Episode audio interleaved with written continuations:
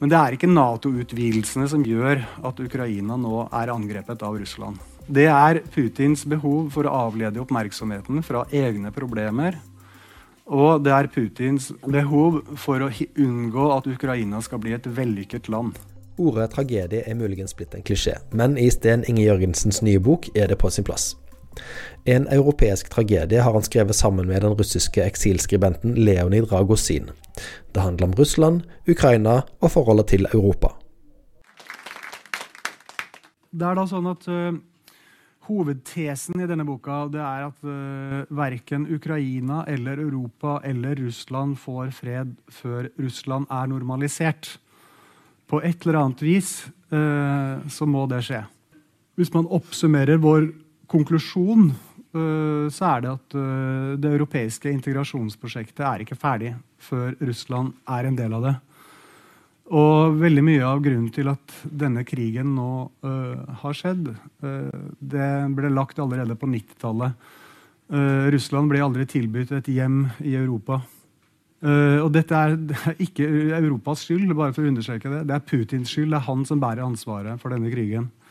Eh, men Putin sitter da ikke for evig tid, og det er på høy tid å lage en ny russlandspolitikk.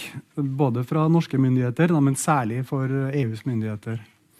Og For å gi et bilde på hvor kontraproduktiv situasjonen er i dag eh, Da Putin i går annonserte delvis mobilisering, og enveisbillettene ut av Russland ble raskt utsolgt, så er det sånn at russere som nå prøver å komme seg unna å bli kalt inn i militæret, de får ikke komme inn i nabolandene. Fordi eh, Vi har jo da endra visumpolitikken, så det har blitt strengere. Mange vil ikke ha dem, så uh, de sendes bare rett tilbake. Og blir da da, blir, kommer da videre til Ukraina. Så kontraproduktiv er den politikken vi har i dag. Jeg skal begynne langt tilbake i tid. Uh, vi har jo da en situasjon hvor mange i dag ikke forstår at Russland i hele tatt hører hjemme i Europa, fordi det oppleves som et så annerledes land. Så hvis vi går kanskje 200 år tilbake i tid, da, så, så var jo ikke situasjonen sånn. Da var det helt allment kjent at Russland var et europeisk land. Og alle vet også at De kulturelle bidragene fra Russland til europeisk kultur de var helt enorme. Du kan nesten ikke tenke deg europeisk kultur uten Dostojevskij og alle de store komponistene, alle forfatterne eh, mongolene jo, holdt jo Russland en stund, men det var jo da helt fra slutten av 1400-tallet så har absolutt alle politiske og kulturelle intervensjoner i Russland kommet fra vest. Selv i dag, under Putin, så er Russland og russisk kultur helt innvevet i det vestlige, globale kulturelle prosjektet. Altså er, alle referansene ligger dit. Det er ingen russere som ser til Kina. liksom. Uh, og Det er også viktig å merke seg at atlasene lyver litt. Det er sånn at uh, Vi tenker på Russland delvis som et asiatisk land fordi så mye av landet spenner over dit, men det er da i den europeiske delen nesten alle bor. Altså Demografisk sett også så er Russland et europeisk land. Så er det da masse fordommer mot russerne som sirkulerer nå. og uh, Mye av det spiller jo på sånne gamle fordommer fra kalde krigens tider. Og det er lett for oss å tenke egentlig at russerne er annerledes enn oss fordi også de hadde det var liksom de som hadde kommunismen. Det var de som var kommunister. Og mange har ment at ja, det er jo lettere for russere å leve uten frihet enn for oss andre. Eh, som om det er en slags sånn kulturell attributt da, i, i russisk kultur. Uh, og Det har nok egentlig mest å gjøre med at eh, vi i Vesten hadde et ideologisk prosjekt også. altså det at Russerne skulle liksom være de andre. Det var de ikke-frie. Og det var veldig mye som ble spunnet rundt det, som gjorde at sånne uh, oppfatninger da festa seg. Og det er, det er, utrolig viktig å huske dette, altså at kommunistiske grupperinger de sto svært sterkt i hele Vest-Europa også. Og uh, De som lagde det kommunistiske manifest, de var jo ikke, ikke, russere. Det var jo en tysker som skrev det, og det ble trykka i London. Og Grunnen til at det slo gjennom i Russland, det var jo at under første verdenskrig så var uh, Russland ekstremt politisk ustabilt. Og det var svært få russere som ønska denne utviklinga. Altså, da russerne fikk gå til sitt første valg i 1917, så stemte de på det moderate alternativet. Uh, bolsjevikene kuppa det hele. Og De ønska seg ikke en ny, sterk mann etter, etter tsaren. De ønska et system med større folkelig innflytelse. Og det at Russland ikke er predeterminert til å ha en sterk leder, det er også konklusjonen til de fremste ekspertene på dette feltet, som forsker på det, altså fra Francis Fukuyama. For eksempel, men også Anthony Beavers uh, ferske bok som kom nå om russiske revolusjon, er også det helt tydelig at dette var et kupp mot russerne. Uh, så kan man si at uh, jo, men beviser ikke det at russerne nå angrep Ukraina, at det ikke er et normalt land. Uh, og det er igjen uh, spiller på en oppfatning av at russerne har sånne ekspansjonistiske ideer. Uh, og mange, mange, har ment det og skrevet mye om det, særlig sånn sikkerhetspolitiske eksperter. Uh, og så viser de f.eks. til at Putin sa at Sovjetunionens sammenbrudd var den største geopolitiske katastrofen i det 20. århundret. Uh, men det er da sånn at hvis du går etter og prøver å finne ut hva russere faktisk mener, så finner du ikke noe gjenklang her. Uh, det er sånn at uh, for De som mener at uh, establishmentet og, og, Putins krets og folket og, altså Du må sette nesten, Hvilken sirkel skal du stoppe? Hvor, er, hvor begynner og slutter de ekspansjonistiske drømmene? Og jeg tror det er uh, Eh, i Putins klikk uh, dette aller mest handler om. Og så har du kanskje støtte fra Jeg har intervjua russere som mener at det kanskje er 15% av befolkninga som egentlig har denne typen holdninger. Uh, og det er da ikke næringslivsfolka, oligarkene og sånn. De har jo ingen interesse av en ekspansjonistisk politikk, fordi det betyr jo krig, og det er dårlig for business. Uh, før Maidan-revolusjonen i Kiev i 2014 så mente 75% at russerne at Ukrainas integrasjon med Europa var Ukrainas eget, egen sak. Altså, var, de hadde ikke noe ønske om å holde igjen Ukraina på et eller annet vis innenfor sin sone. Eh, men så begynte da statskontrollerte russiske medier å spre denne løgna om at det var fascister som hadde overtatt eh, styret i Kiev, og som drev folkemord mot russerne og de russelandstalende øst i Ukraina. Da snudde folkemeninga.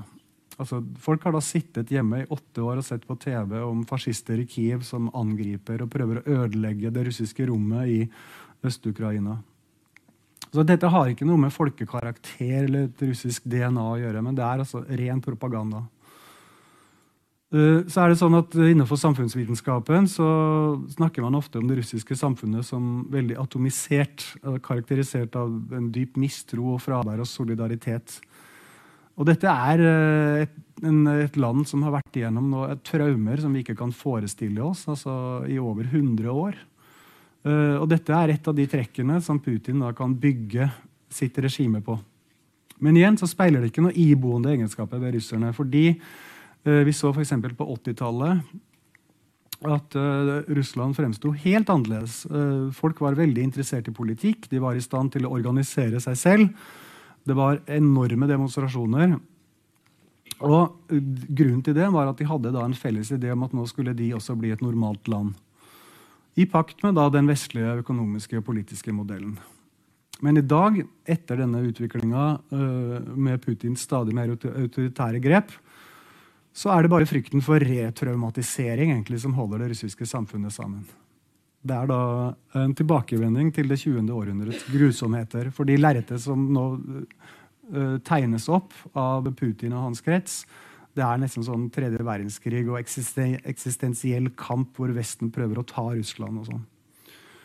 Um, Sosiologer som har studert russere, de kommer til at uh, de fleste Putin-velgere betegner seg selv som uh, sympatiske, hensynsfulle og varme. Uh, da i negasjon til folk som er kritiske og kranglevorne. Uh, og Det betyr at dette er konformister i det store og hele. Altså Her snakker vi om over 50% av russerne kan egentlig kalles konformister. Uh, det betyr at de uh, søker da å oppføre seg sånn at de bevarer en plass i samfunnets hovedstrøm. Og Det er nettopp da, derfor så mange også kommer til at dette kan snu helt om. fordi det øyeblikket de da finner ut at det er en annen hovedstrøm som er bedre, f.eks. at Putin holder på å ødelegge landet og har tatt landet i helt gal retning, så kan de også snu kollektivt ganske fort. Uh, og Det poenget må understrekes. Uh, fordi akkurat nå virker jo alt helt håpløst. Men når du har en konformistvelgerbase så er det også muligheter for svært mye raskere endringer enn mange har trodd. Så uh, så si litt om dette 90-tallet, fordi det var en helt kritisk fase, og veldig få i Vesten merka seg det. Uh, fordi vi var så opptatt av øst østeuropeere generelt at vi så ikke helt hva som skjedde i Moskva, bortsett fra det store politiske spillet. Uh, men mange har skrevet om det, som var i Moskva på denne tiden. Uh, og du sa det var lange køer foran aviskioskene allerede tidlig på morgenen. Det var altså publikasjoner, sånne liberale publikasjoner som hadde opplag på over en million. En som bare mente at hele byen var som et seminar. altså Folk var så opptatt av at nå skal vi liksom skape et nytt samfunn. Og vi møtte ikke denne åpenheten. Uh, alle andre østblokklandene ble etter hvert invitert inn i det vestlige fellesskapet, som Nato og EU, men ikke russerne. Uh, de fikk være med noe som het Partnerskap for fred i 94, men det ble jo mer og mer irrelevant etter hvert som Nato-utvidelsene begynte. Og Min medforfatter Leonid Regosin han vokste jo opp på denne tida. Han husker at uh, Vesten fremsto som et paradis for russerne. Det var dit de ville alle sammen. Og dette er dokumentert av mange, at det var uh, også blant mange ledende politikere det var den veien de ville gå. Boris Jeltsin han sa jo uh, at han ønska uh, Han sa det helt åpent, han ville inn i Nato. Og interessant nok så hadde også Putin sagt det så sent som i 2000 i et intervju med Oliver Stone. at han også ville, hadde lufta den tanken med Bill Clinton. Uh, og Så sent som i 2002 så fortalte daværende leder for EU-kommisjonen Romano Prodi at Putin hadde spurt han om utsiktene til å få bli med i EU. Uh, vi snakker da altså ikke om et kort blaff av vestvendthet fra russisk side, men det er mer eller mindre seriøse sonderinger som er gjort gjennom flere tiår. Og Mange er heller ikke klar over at Putin var de liberales favoritt da han ble utpekt av Jeltsin. Han var ikke i utgangspunktet en fiende av Vesten. Dette er noe som tok lang tid før det ble helt krasj. Men i hvert fall så klarte ikke vi å, å identifisere oss med russerne og deres lidelser. Vi hadde da en forestilling om at det var russerne som hadde undertrykket de andre østeuropeerne. Tenk på hvor absurd det er. Det var jo da sovjetstyret som gjorde det. Og russerne ble jo undertrykt mer enn mange i østblokken av sovjetstyret. Eh, men vi bare klarte ikke å skille mellom russere og sovjetere. Allerede tidlig på 90-tallet begynte USA å planlegge for Nato-utvidelsene. Og nå har det da heldigvis kommet en bok, eh, en amerikansk forsker som heter Sarotti, som har fått åpna masse arkiver fra denne tida, Clintons arkiv, men også flere andre, for å se hvordan dette egentlig foregikk. Uh, og Her fremgår det med all tydelighet at USA maksimerte presset på Russland i en ekstremt sårbar fase for russerne. Uh, og Sarotti konkluderer med at hvis vi vil forstå hvorfor Putin kom til makten, så hører Nato-utvidelsene med. Så kan du si at uh, Det ga jo også en viss mening, denne russiske skepsisen til Nato, fordi da den kalde krigen ikke lenger gjaldt, altså da den ikke var virksom, så skulle man jo tro at når Warszawapakten legges ned, så kunne også Nato legges ned. Og Dette var eh, det som de fleste europeiske statsledere ønsket seg. De ønsket noe annet enn Nato-utvidelse for å håndtere sikkerhetsutfordringene i Europa. Eh, men de ble da i stor grad overkjørt av USA, eh, som da på en måte designa framtida for vår verdensdel. Hvordan det skulle ordnes her. Jeltsin han jo, syntes jo dette var helt grusomt, fordi han så jo at dette ga jo nasjonalister i Russland veldig mye ammunisjon. Men de da fikk Jeltsin til å gå med på det ved å bare kaste penger etter ham. Milliarder på milliarder. Og disse pengene ble ofte stjålet med én gang av det kriminelle i det systemet der, og tatt rett ut av landet. Men det var nok liksom til å holde Jeltsin ved makta lenge nok for å ikke skape for mye bråk.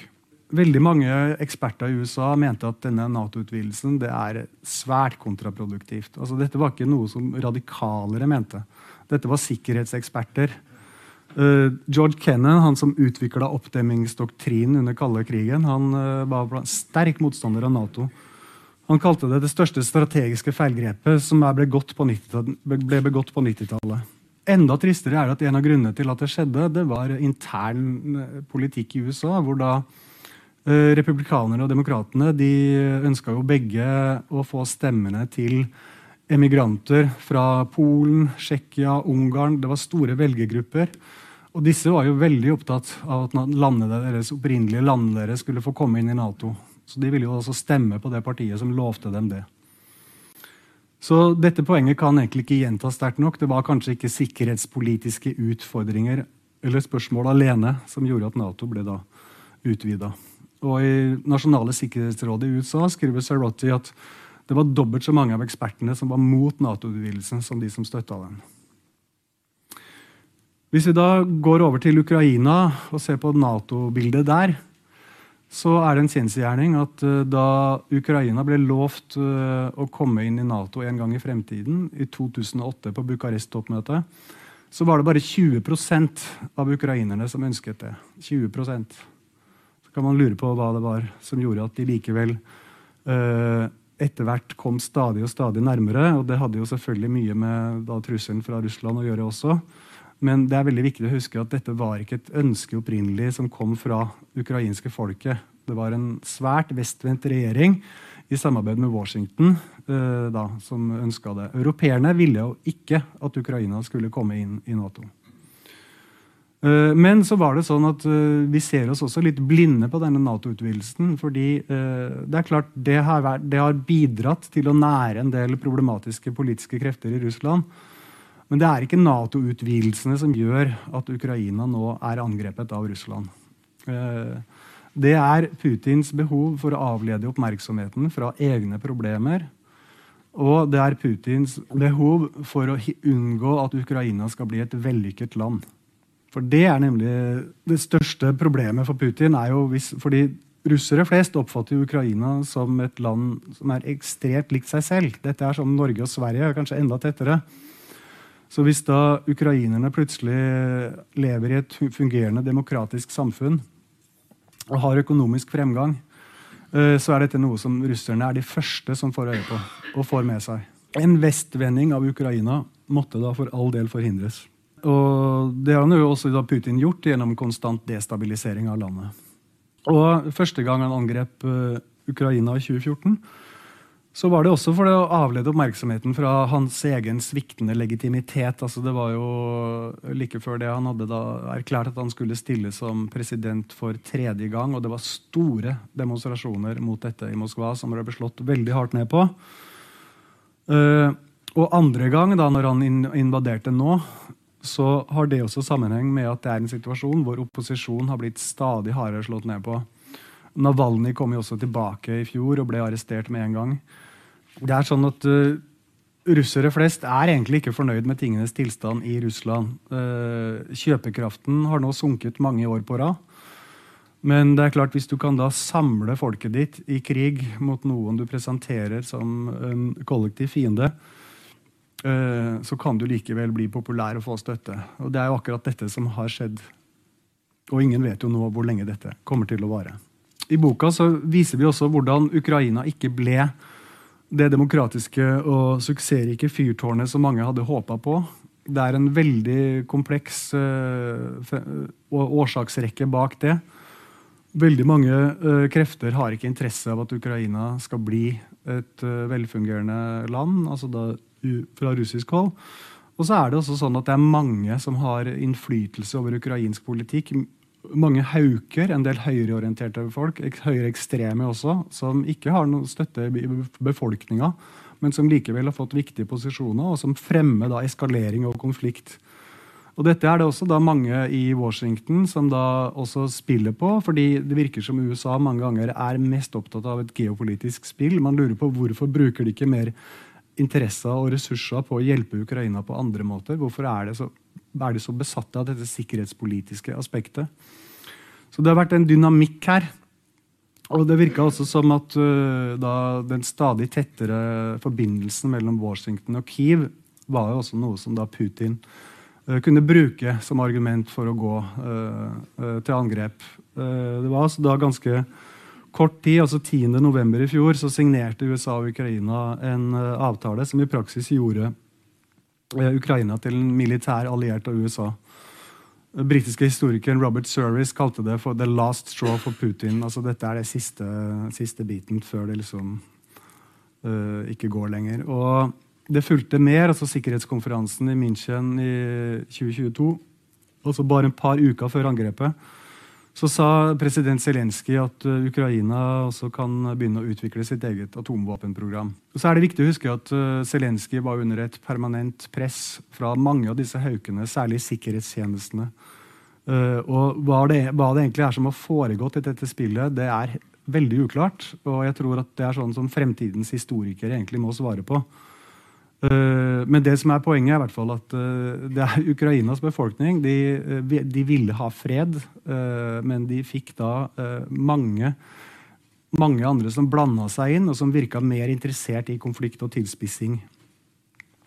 og Russland var definitivt en av dem, og det er Russland selvfølgelig som også bærer ansvaret for det som har skjedd. Det er like klart som at Ukraina er offeret. hva er det som da skjer fremover. Nå vet vi jo selvfølgelig ikke det, nå, men det er da vi vet jo hvor galt det kan gå. altså Putin kan bruke atomvåpen. Det er helt sant.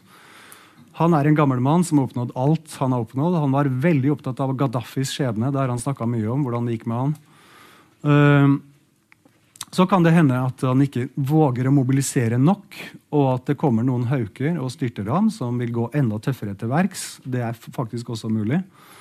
Men nå denne delvis mobiliseringa kommer, så tenker jeg at uh, først og fremst så er det bekmørkt. Altså, nå skal de sende enda flere ned der for å dø. Og ukrainerne kommer selvfølgelig ikke til å gi seg. Um, så er det da et tredje scenario. Det er at uh, dette på et vis tar slutt, at det kommer en fredsavtale. Men at Vesten fortsetter å isolere Russland.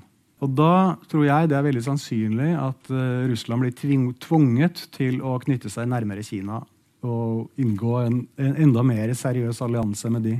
Og Det tror jeg ikke mange her skjønner helt hvor alvorlig er. fordi det at de to landene finner sammen, hvis de virkelig gjør det fordi det har de ikke gjort så langt. Mange har trodd at uh, det var så tette allierte, og sånn, men det stemmer egentlig ikke. Og russerne er egentlig veldig skeptiske overfor Kina og kinesiske interesser også. Men finner de sammen, så besitter de da verdens største landareal, verdens største befolkning og på sikt kanskje også økonomi og militær styrke. Og Hvis en, en sånn allianse bestemmer seg for å knuse den vestlige orden som oppsto etter andre verdenskrig, så har de gode sjanser til å lykkes fordi de kan få med seg så mange av de andre store landene i verden som nå er på autoritær kurs. India, Brasil, Tyrkia, selv om Tyrkia nå faktisk eh, nå så det at Erdogan gikk faktisk ut og kritiserte mobiliseringa, så det var et veldig lyspunkt. Men, skal, men, i hvert fall er det mange nok store land som kan kaste seg på en sånn ny allianse. Og hvis det går, hvis, det, hvis dette skjer, hvis dette blir på en måte utviklinga, så har vestlige politikere nok med å bare holde sine egne land frie og demokratiske. Altså Drømmen om en sånn bedre verden og sånn, det er da, tror jeg kommer til å bli erstatta bare av pessimisme og framtidsfrykt. Det er derfor vi, vi, med denne boka egentlig prøver å vise avstand mellom disse dystopiske scenarioene og de utrolig positive konsekvensene hvis man på et eller annet vis klarte å normalisere Russland. Tenk på dette. Altså, du finner da, Hvis da Russland blir normalisert, så har da de to landene i verden med mest atomvåpen, altså USA og Russland, da er de på en måte ikke lenger i spenning. Bare den fredsgevinsten er jo enorm. Men altså, Ukraina kan bruke kreftene sine på å bygge et demokrati. Uh, I stedet for å da hele tiden måtte slåss mot russiskstøttede opprørere, russiske soldater, konstant innblanding fra Russland. Folk i Belarus vil mye lettere kunne bli kvitt Lukasjenko når han ikke lenger er under en slags beskyttelse. Uh, du vil få slutt på Kremls forsøk på å påvirke opinion i demokratiske vestlige land. Diktatorer som Assad i Syria vil ikke lenger få Putins støtte. Russiske bombefly vil ikke bidra til flyktningstrømmer mot Europa. Russlands massive våpensalg rundt om i verden eh, vil pålegges restriksjoner. Leiesoldatene i Wagner-gruppen vil ikke lenger kunne brukes hensynsløst av afrikanske diktatorer. Europa ville ikke vært like utsatt for skyhøye energipriser og trusler mot forsyningssikkerheten. Altså er, lista er så lang at du kan si at dette er i ren egeninteresse for Vesten å gjøre. Uh, men så klart er det også enorme fordeler for russerne selv. Fordi den kursen Russland nå er på, er jo veldig destruktiv. Hvordan skal man få til å, å, å fikse Russland? Hvordan få til en sånn ut, ut, utvikling? Det er nok helt umulig med Putin, og det er enda mer umulig hvis det kommer mer radikale krefter dit. Så det er bare mulig hvis Russland igjen kommer i samme situasjon som på 90-tallet. Og Vi mener da at det er faktisk mulig nå, at det, noe sånt kan komme ut i kjølvannet av denne krisen. Og Da har du da eh, en ny politikertype, som er demokratiske og liberale, som vinner frem. Mens folk flest har følelse av at nå er det selvoppgjør. altså Nå har vi vært ute på galeien. som uh, Dette var en veldig, veldig uh, negativ ting for Russland, det vi nettopp var igjennom nå. Vi har snakka med en rekke av verdens fremste russlandseksperter som mener at dette er mulig. Som sier at uh, det er mange ting som tyder på at dette kan være utfallet av denne krisen som vi nå står i. Og dere må huske bare en ting at Den utenrikspolitikken som Putin har lagt seg på, den er ikke i russernes interesse i det hele tatt. Altså, Den er rent skadelig for, for russere. Uh, men så, hvis da Russland normaliseres, uh, så er det sånn at det, dette må jo også være noe i Vesten som ønsker å ta dem inn i varmen, ønske dem velkommen. Og det kan jo være vel så stort problem, fordi nå virker det jo som at det å bygge en mur nærmest mot, mot Russland og isolere Russland er man mer opptatt av. Uh, Norge innførte allerede i juni uh, de visumbegrensningene som EU vedtok nå i slutten av august. For å gjøre det enda vanskeligere for russere å dra. Vi mener da at uh, det, man må gjøre det motsatte. altså Man må ønske russerne velkommen en masse. og man må bygge opp store eksilmiljøer i Europa legge til rette både for at de kan drive mediene sine her, som kringkaster over til Russland, men også politiske miljøer for ordentlige arbeidsforhold. Vi har lange lister over hvordan dette kan gjøres. Jeg skal ikke gå så inn i det nå. Men vi tror også at EU bør erklære at russisk er et offisielt EU-språk. Og uh, Det er ikke så rart som det kan høres ut som, fordi det er mange flere i, av EUs borgere i dag som har russisk som førstespråk, enn det er innbyggere i mange EU-land. Eh, så dette er ikke så radikalt. Men hvis du erklærte at russisk er EU-språk, så tar du lufta ut av veldig mye av Putins uh, retorikk. Fordi han fremstiller jo, prøver å fremstille Vesten som antirussisk, som prøver å utrydde det russiske rommet. Uh, og særlig for Ukraina ville det tror jeg, vært en stor velsignelse. Og så er det noen som sier at nei, du vil aldri få Russland integrert for eksempel, inn mot EU fordi Russland er for stort. Men faktum er at uh, i EU så får du ikke uttelling for folketall uansett. Altså det er uh, Makstaket på stemma i Det europeiske råd er 29. Uh, det har da Tyskland, og Frankrike og Italia. Og så har du Polen og, og, Spania like under med 27. Så realiteten er at hvis Russland skulle bli så integrert at de ble med i EU, så ville de bare vært ett av sju land med relativt lik stemmevekt. Gitt at da Ukraina også kommer inn. I en sånn krigssituasjon så kan det virke ganske provoserende at vi er mest opptatt av å vise forståelse og sympati for aggressoren, altså for russerne. Men uh, målet er egentlig for oss å unngå at denne, denne krigen skal ta slutt, og at uh, den grusomme syklusen ikke lenger skal spinne. Og bare husk hva som skjedde i 2014. Vi var jo først veldig opptatt av, av, angrepet på Ukraina, men så gikk årene, og så mista vi interessen. Ukrainerne fortsatte å dø i kampen mot russiske soldater og russiskstøtta opprørere. Uh, og Nå ser det heldigvis ut til at besluttsomheten er sterkere. Det er helt legitimt å sende våpen, uh, mener vi, uh, og være med å bekjempe denne invasjonen. Men så sier vi også veldig tydelig at det, er, det, må være altså et helt annet Russland som trer frem før det kan være snakk om å strekke ut en hånd. Så vi mener at Russland må trekke seg ut av Ukraina. De må betale krigserstatninga, og de må samarbeide med en internasjonal straffedomstol. Først i det øyeblikket gir det mening å prøve å trekke det inn og si at nå har dere blitt på en måte normale nok. Og Så sier noen at dette er umulig, men det er det aldeles ikke. For dette har skjedd i Europa før. Det er akkurat dette som EU gjorde.